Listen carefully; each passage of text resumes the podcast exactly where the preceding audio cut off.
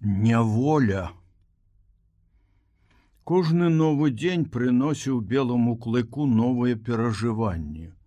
Пакуль кіч сядзела на прывязі, ён бегаў па лагеры, даследваючы, вывучаючы яго і набіраўся вопыту. Ён хутка знаёміўся з прывычкамі і спосабам жыцця людзей, але такое блізкае знаёмства не ну, не выклікала ў ім пагарды да іх. Чым больш ён пазнаваў людзей, тым больш пераконваўся ў іх перавазе. І таксама як яго маці кіч выказала ім пакорлівасць, калі толькі пачула сваё імя, так і белы клык пранікся той жа пакорлівасцю. Калі яны попадаліся яму насустрач, ён саступаў ім дарогу. Калі яны клікалі яго, ён падыходзіў, калі яны пагражалі, ён прыпадаў да зямлі, калі яны праганялі яго, ён хутка ўцякаў.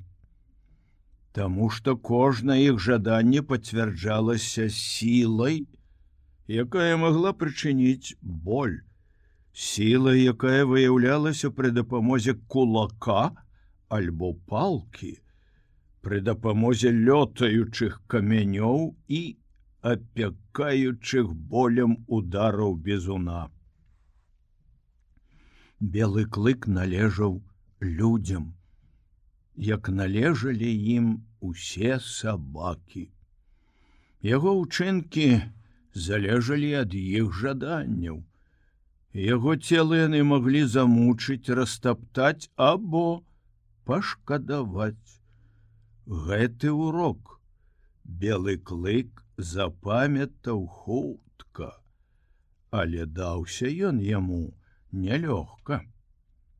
Надта многае ў натуры ваўчка абуралася супраць таго, з чым яму прыходзілася сутыкацца на кожным кроку. І разам з тым непрыкметна для самога сябе белы клык пачынаў разумець хараство новага жыцця, Хоць прывыкаць да яго было і цяжка і непрыемна. Яму падабалася аддаваць свой лёс у чужыя руки і знімаць сябе всякую адказнасць за ўласнае існаванне. Ужо адно гэта з'яўлялася для яго ўзнагародай, Таму што абапірацца на другога заўсёды лягчэй, чым стаяць аднаму. Але ўсё гэта здарылася не адразу. За адзін дзень нельга аддацца чалавеку і душой і целам. Белы клык не мог адразу перамагчы ў сабе спадчыннасць, не мог забыць лясную глуш. Бывалі дні, калі ён выходзіў на ўскраі лесу і стаяў там, прыслухоўваючыся да заклікаў, якія вабілі яго ў далечыню. І заўсёды ў такіх выпадках ён вяртаўся неспакойны, устрывожаны і жаласліва. З ціхім павіскваннем клаўся побач з кіч, лізаў ёй морду сваім хуткім дапытлівым язычком. Белы клык хутка вывучыў лагернае жыццё. Ён зазнаў несправядлівасці прагнасць дарослых сабак у час раздачы мяса і рыбы.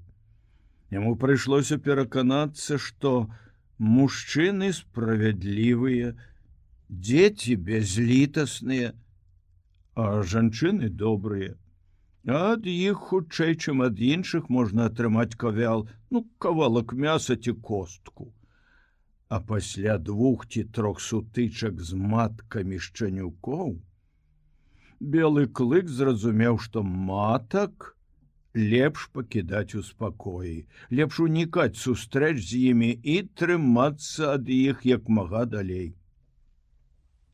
Але больш за ўсіх яму атручваў жыццё ліп-ліп. Ён быў старэйшы дужэйшы за ваўчка Белы клык біўся досыць ахвотна, але заўсёды ён быў пераможаным. Праціўнік быў занадта вялікі для яго. Ліп-ліп праследаў сваю ахвяру як кашмар. Варта было белому клыку адысці ад маткі, забіяка быў тут як тут не адыходзіў ад яго ні на крок рыкаў, прычэпліваўся да яго і ніколі не выпускаў выпадку кінуцца на белага клыка і выклікаць яго на бойку, калі паблізу не было людзей. Гэтыя сутычкі прыносілі ліпліпу велізарную прыемнасць, таму што ён заўсёды выходзіў з іх пераможцам. Але тое, што было для яго самай вялікай асалодай у жыцці, прыносіла белому клыку адны пакуты. Аднак запалохаць белага клыка было не так лёгка. Ён цярпеў паражэнні, але ў душы ніяк не мог прымірыцца. І ўсё ж гэтая вечная варожасць пачынала адбівацца на яго характары. Ён зрабіўся злосным і панурым. Лютасць была ўласціва яго пародзе. Бясконцыя праследаванні рабілі яго яшчэ больш злосным. Тое, што было ў ім дабрадушнага, гуллівага, шчанячага, не знаходзіла сабе выйсця. Ён ніколі не гуляў і не вазіўся з іншымі шчанюкамі. Ліп-ліп не дапускаў гэтага. Варта было белому клыку з'явіцца сярод іх, ліп-ліп налятаў на яго, пачынаў сварку і біўся з белым клыком да таго часу, пакуль той не ўцякаў прэч. Нарэшце амаль усё шчанячае, што было ў белым клыку, знікла. Ён пачаў здавацца значна скарэй свайго ўзросту. Пазбаўлены магчымасці даваць выхад сваёй энергіі у гульні, Ён замкнуўся ў сабе і пачаў развівацца разумова у белым клыку з'явілася хітрасць. У яго было дастаткова часу, каб абдумваць свае ўчынкі. З прычыны таго, што яму перашкаджалі атрымліваць сваю долю мяса і рыбы падчас агульнага кармлення сабак, Ён зрабіўся спрытным злодзеем. Прыходзілася самому здабываць для сябе, і белы клык навучыўся рабіць гэта так майстэрскі, што зрабіўся сапраўдным бичом для індзеек. Ён шмыгаў по ўсяму пасёлку, ведаў, дзе што робіцца, ўсё бачыў і чуў, прыстасоўваўся да акалічнасцей і навучыўся унікаць сустрэч са сваім непрымірымым ворагам яшчэ ў самым пачатку варожасці з ліпліпам белы клык злосна пажартаваў над сваім ворагам і ўпершыню адчуў асалоду помсты. Ваўчок прыкладна тым жа спосабам заманіў ліпліпа прама в раз'юшаную пашчу кіч, як яна калісьці заманьвала сабак і адводзіла іх ад людской стаянкі на з'ядзенне ваўкам. Ратуючыся ад ліп-ліпа, белы клык пабег не прама, а пачаў кружыць паміж вігмамамі. Бегаў ён добра, хутчэй любога шчаняць яго ўзросту і хутчэй самога ліп-ліпа. Але на гэты раз ён не асабліва спяшаўся і падпусціў свайго праследавальніка на адлегласць усяго толькі аднаго скачка ад сябе. Збуджаны пагоняй блізкасцю ахвяры ліп-ліп пакінуў всякую асцярожнасць і забыўся, дзе ён знаходзіцца. Калі ён успомніў пра гэта, было ўжо позна На ўсім бягу абагнуўшы вігвам, ён з размаху наляцеў прама на кіч, якая ляжала на прывязі, ліп-ліп завыл ад жаху, Хоць кіч і была прывязаная. Але адчапіцца ад яе было не так лёгка. Ліп-ліп ужо не мог уцячы таму, што кіч збіла яго з ног і пачала кусаць, рваць сваю ахвяру. Адкацеўшыся нарэшце ад ваўчыцы ў бок ліп-ліп ледь падняўся на ногі ўвесь ускудлачаны, пабіты фізічна і маральна. Поўсць яго тырчала касмылямі ў тых месцах, дзе па ёй прайшліся зубы кіч ліп-ліп раскрыў пашчу і не сыходзячы з месца, прарэзліва пашчанячаму завыў. Але белы клык не даў яму дакончыць, он кінуўся на ліп-ліпай, учапіўся яму зубамі ў заднюю лапу.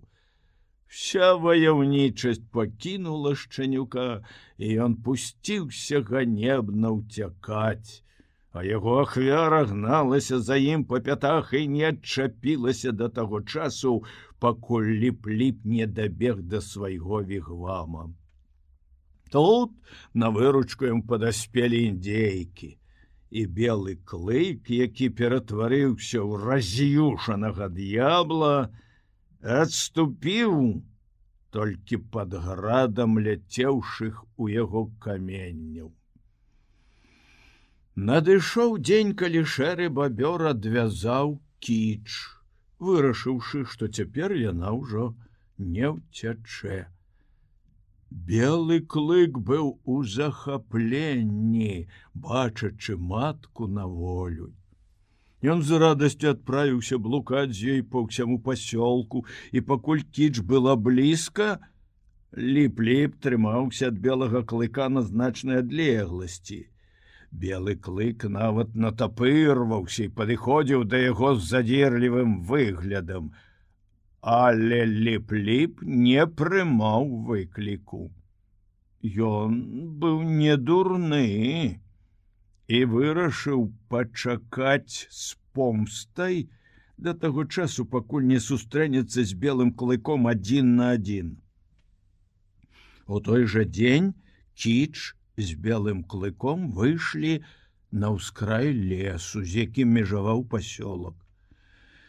Белы клык паступова крок за крокам адводзіў туды матку і калі яна спынілася на ўскрайку лесу, ён паспрабаваў зацягнуць яе далей, ручай, логава і спакойны лес, вабілі да сябе белага клыка, і ён хацеў, каб маці пайшла разам з ім. Ён адбегся на некалькі крокаў, спыніўся і паглядзеў на яе. Яна стаяла не рухаючыся. Белы клык жаласліва заскавытаў, гуляючы пачаў бегаць сярод кустоў, затым вярнуўся, лізнуў яе ў морду, зноха, знова адбегся, але маці ўсё ж не рухалася. Белы клык стаяў, гледзячы на яе, і здавалася, што настойлівасці нецярпення ўсяліліся раптам у цела ваўчка. Затым павольна пакінулі яго. Калі кіч, павярнула галавой паглядзела на лагер. Далеч клікала белага клыка. І маці чула гэты кліч.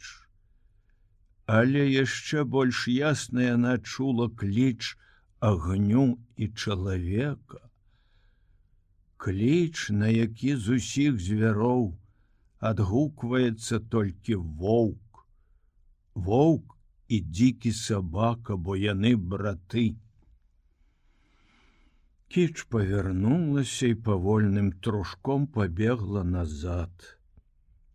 Жыццё лагера трымала яе ў сваёй уладзе мацней всякой прывязі. Нябачнымі таямнічымі шляхамі багі завалодалі ваўчыцай і не адпускалі яе ад сябе. Белы клык сеў пад цяністай бярозай і ціха заскуголю. Пахла хвояй, Лясная духмянасць напаўняла паветра, напамінаючы яму аб ранейшым вольным жыцці, на змену якому прыйшла няволя. Але белы клык быў усяго толькі ваўчком. І кліканне маткі даносілася да яго ясней, чым кліч лясной глушы або чалавека. Ён спадзяваўся на яе ва ўсім. Незалежнасць была яшчэ уперадзе. І белы клык устаў, сумна пацягнуўся ў лагер, спыніўшыся на дарозе разы два, каб паскуголіць і прыслухацца да клічу які ўсё яшчэ даносіўся з ляснога гушчару. У лясной глушы матка і дзіцянё вельмі нядоўга жывуць адно каля аднаго, але людзі часта скарачаюць і гэты кароткі тэрмін. Так было і з белым клыком. Шэры бабёр замінаваціўся другому індзейцу, якога называлі тры арлы а тры арлы адыходзіў уверх па рацэ Макензі на вялікае нявольнічае возера. Кавалак чырвонай матэрыі, мядзведжая скура, 20 патронаў і кіч пайшлі на выплату доўгу. Белы клык бачыў, як тры арлы взяў яго матку да сябе ў пірогу і хацеў пайсці за ёй. Ударам кулака тры арлы зваліў яго назад на бераг. Пірога адплыла. Белы клык скочыў ваду і паплыў за ёй, не звяртаючы ніякай увагі на крыкі шэрага бабра. Белы клык не паслухаўся нават голасу чалавека, так баяўся ён страціць кіч. Але багі прывыклі, каб ім пакараліся, і разгневаны шэры бабёр спусціў на ваду пірогу і паплыў на ўздагон за белым клыком. Дагнаўшы яго, ён працягнуў руку, выцягнуў ваўчка з вады, але не адразу кінуў на дно пірогі. Адной рукой трымаючы белага клыка над пірогай другой ён вельмі балюча яго адлупцаваў. Вось гэта дык э, лупцоўка была рука у індзейца была цяжкая удары былі разлічаны правільна і сыпаліся адзін за адным под градам гэтых удараў то з аднаго то з другога боку белы клык раскачваўся ўзад і ўперад як маятнік які сапсаваўся. Самыя разнастайныя адчуванні хвалявалі яго ў гэты час. Спачатку ён здзівіўся затым яго апанаваў страх белы клык пачаў вішчэць пры кожным удары але страх хутка змяніўся злосцю Свабодалюбівая натура дала сябе адчуць.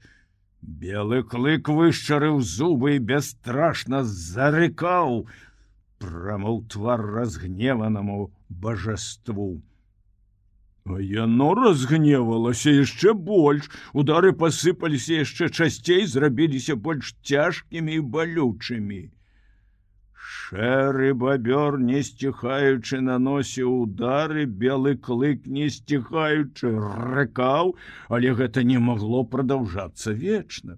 Хто-небудзь павінен бы уступіць і уступіў белы клык. Страх зноў апанаваў яго. Першы раз у жыцці ён трапіў сапраўдную апрацоўку да чалавекам боль ад выпадковых удараў палкай або каменем здаваўся ласкай у параўнанні з тым, што яму давялося перанесці зараз. Белы клык здаўся і пачаў вішчэць і выць. Спачатку ён вішчаў пры кожным удары, але хутка страх яго перайшоў у жах і віскі змяніліся несціхаючым выццём, якое не супадала з рытмам лупцавання. Нарэшце шэры бабёр опусціў руку. Белы клык не спыняў выць, павіснуўшы ў паветры кануча гаспадар як відаць застаўся гэтым задаволены кінуў ваўчка на дно пірогі. Тым часам пірогу адносіла ўніз па цячэнні шэры бабёр узяўся за вясло белы клык перашкаджаў яму веславаць індзеец са злосцю штурхануў яго ногой у гэты момант свабодалюбівая ваўчая натура зноў дала сябе адчуць у белым клыку і ён уеўся зубамі ў нагу абутую макасін. Папярэдняя лупцоўка была нішто у параўнанні з той, якую яму давялося перанесці цяпер. Гнеў шэрага бобра быў страшны.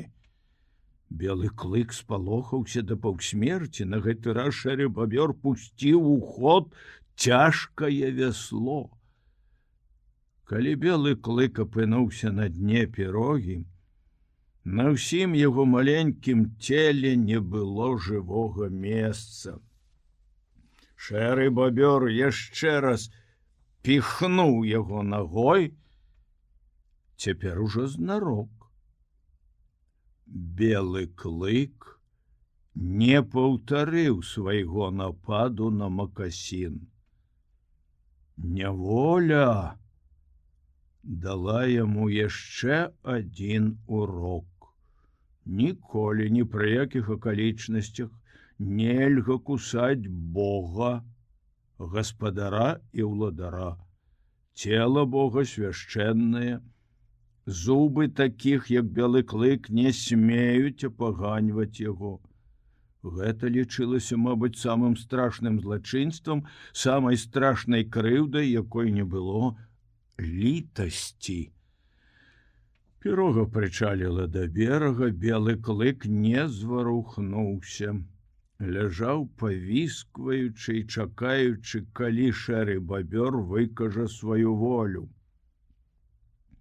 Шэры бабёр пажадаў, каб белы клык выйшаў з пірогі кінуў яго на бераг так, што той з усяго размаху выцяўся бокам аб зямлю. Белы клык, дрыжучы ўсім целам, падняўся на ногі і завішчэў. Ліп-ліп, які назіраў з берага за тым, што адбывалася, кінуўся, зваліў белага клыка з ног і уеўся ў яго зубамі. Белы клык быў вельмі бездапаможны, каб абараняцца, і яму было не здабраваць. Але шэры бабёр ударыў шчанюка ногой так, што той узляцеў высока ў паветра, а затым пляснуўся на зямлю футах у 12 ад белага клыка. Такая была чалавечая справядлівасць і белы клык, нягледзячы на свой цяжкі стан, не мог не адчуць удзячнасці да чалавека. Ён паслухмяна поцягнуўся за шэрым бабром праз увесь пасёлак да яго вігвама. Такім чынам, белы клык запамятаў, што права караць, Багі пакідаюць за сабой, а ніжэйшых жывёл падуладных ім. Гэтага права пазбаўляюць. У тую ж ноч, калі ўсё сціхла, белы клык успомніў матку і засумаваў. Але сумаваў ён так голасна, што разбудзіў шэрага бабра. Той адлупцаваў яго. Пасля гэтага у прысутнасці багоў ён гараваў ціхенька. Але часам белы клык выходзіў адзін на ўскрай лесу, гучна скуголіў і выў, выказваючы свой сум. У гэты перыяд ён мог бы паслухацца голасу мінулага, які клікаў яго назад да пячоры і ручая. Але памяць аб матцы стрымлівала яго на месцы. Можа яна вернецца назад у пасёлак, як варочаюцца людзі пасля палявання. І белы клык застаўся ў няволі, чакаючы кіч. Паднявольнае жыццё не так ужо прыгнятала белага клыка. Шмат што ў ім яго цікавіла. Здарэнні навокал адбываліся адно за адным, дзіўным учынкам, якія рабіліся багамі, не было канца, а белы клык заўсёды адрозніваўся цікаўнасцю. Апрача таго ён навучыўся ладзіць шэрым бабром. Паслухмянасць, строгая безадмоўная паслухмянасць патрабавалася ад белага клыка. Тады можна было ўнікнуць лупцоўкі і стварыць сабе зноснае жыццё. А часам здаралася нават, што шэры бабёр сам кідаў белому клыку кавалак мяса, і пакуль той еў не падпускаў да яго другіх сабак. І такому кавалку не было цаны. Ён цаніўся чамусьці больш, чым десятак кавалкаў, атрыманых з рук жанчын. Шары бабёр ні разу не пагладзіў і не прылашчыў белага клыка. І можа быць цяжар яго рукі ці яго справядлівасць і магутнасць, А можа ўсё гэта разам узятае дзейнічала на белага клыка, але паміж ім і яго панурым гаспадаром пачынала зараджацца ўзаемная прыхільнасць. Нейкія здрадніцкія, ледзь адчувальныя сілы апутвалі белага клыка путамі няволі. І дзейнічалі яны таксама беспамылкова, як палка камень або удар кулаком. Тыя ўласцівасці яго пароды, якія з даўніх часоў гналі ваўкоў да кастра чалавека, добра паддаваліся развіццю. Яны развіваліся ў белым клыку і пасёлак, Хоць жыццё ў ім было поўнае горычы, рабіўся яму ўсё даражэйшы і даражэйшы. Але белы клык не падазраваў гэтага. Ён адчуваў толькі сум па кіч. Спадзяваўся на тое, што яна вернецца і прагна імкнуўся да ранейшага вольнага жыцця.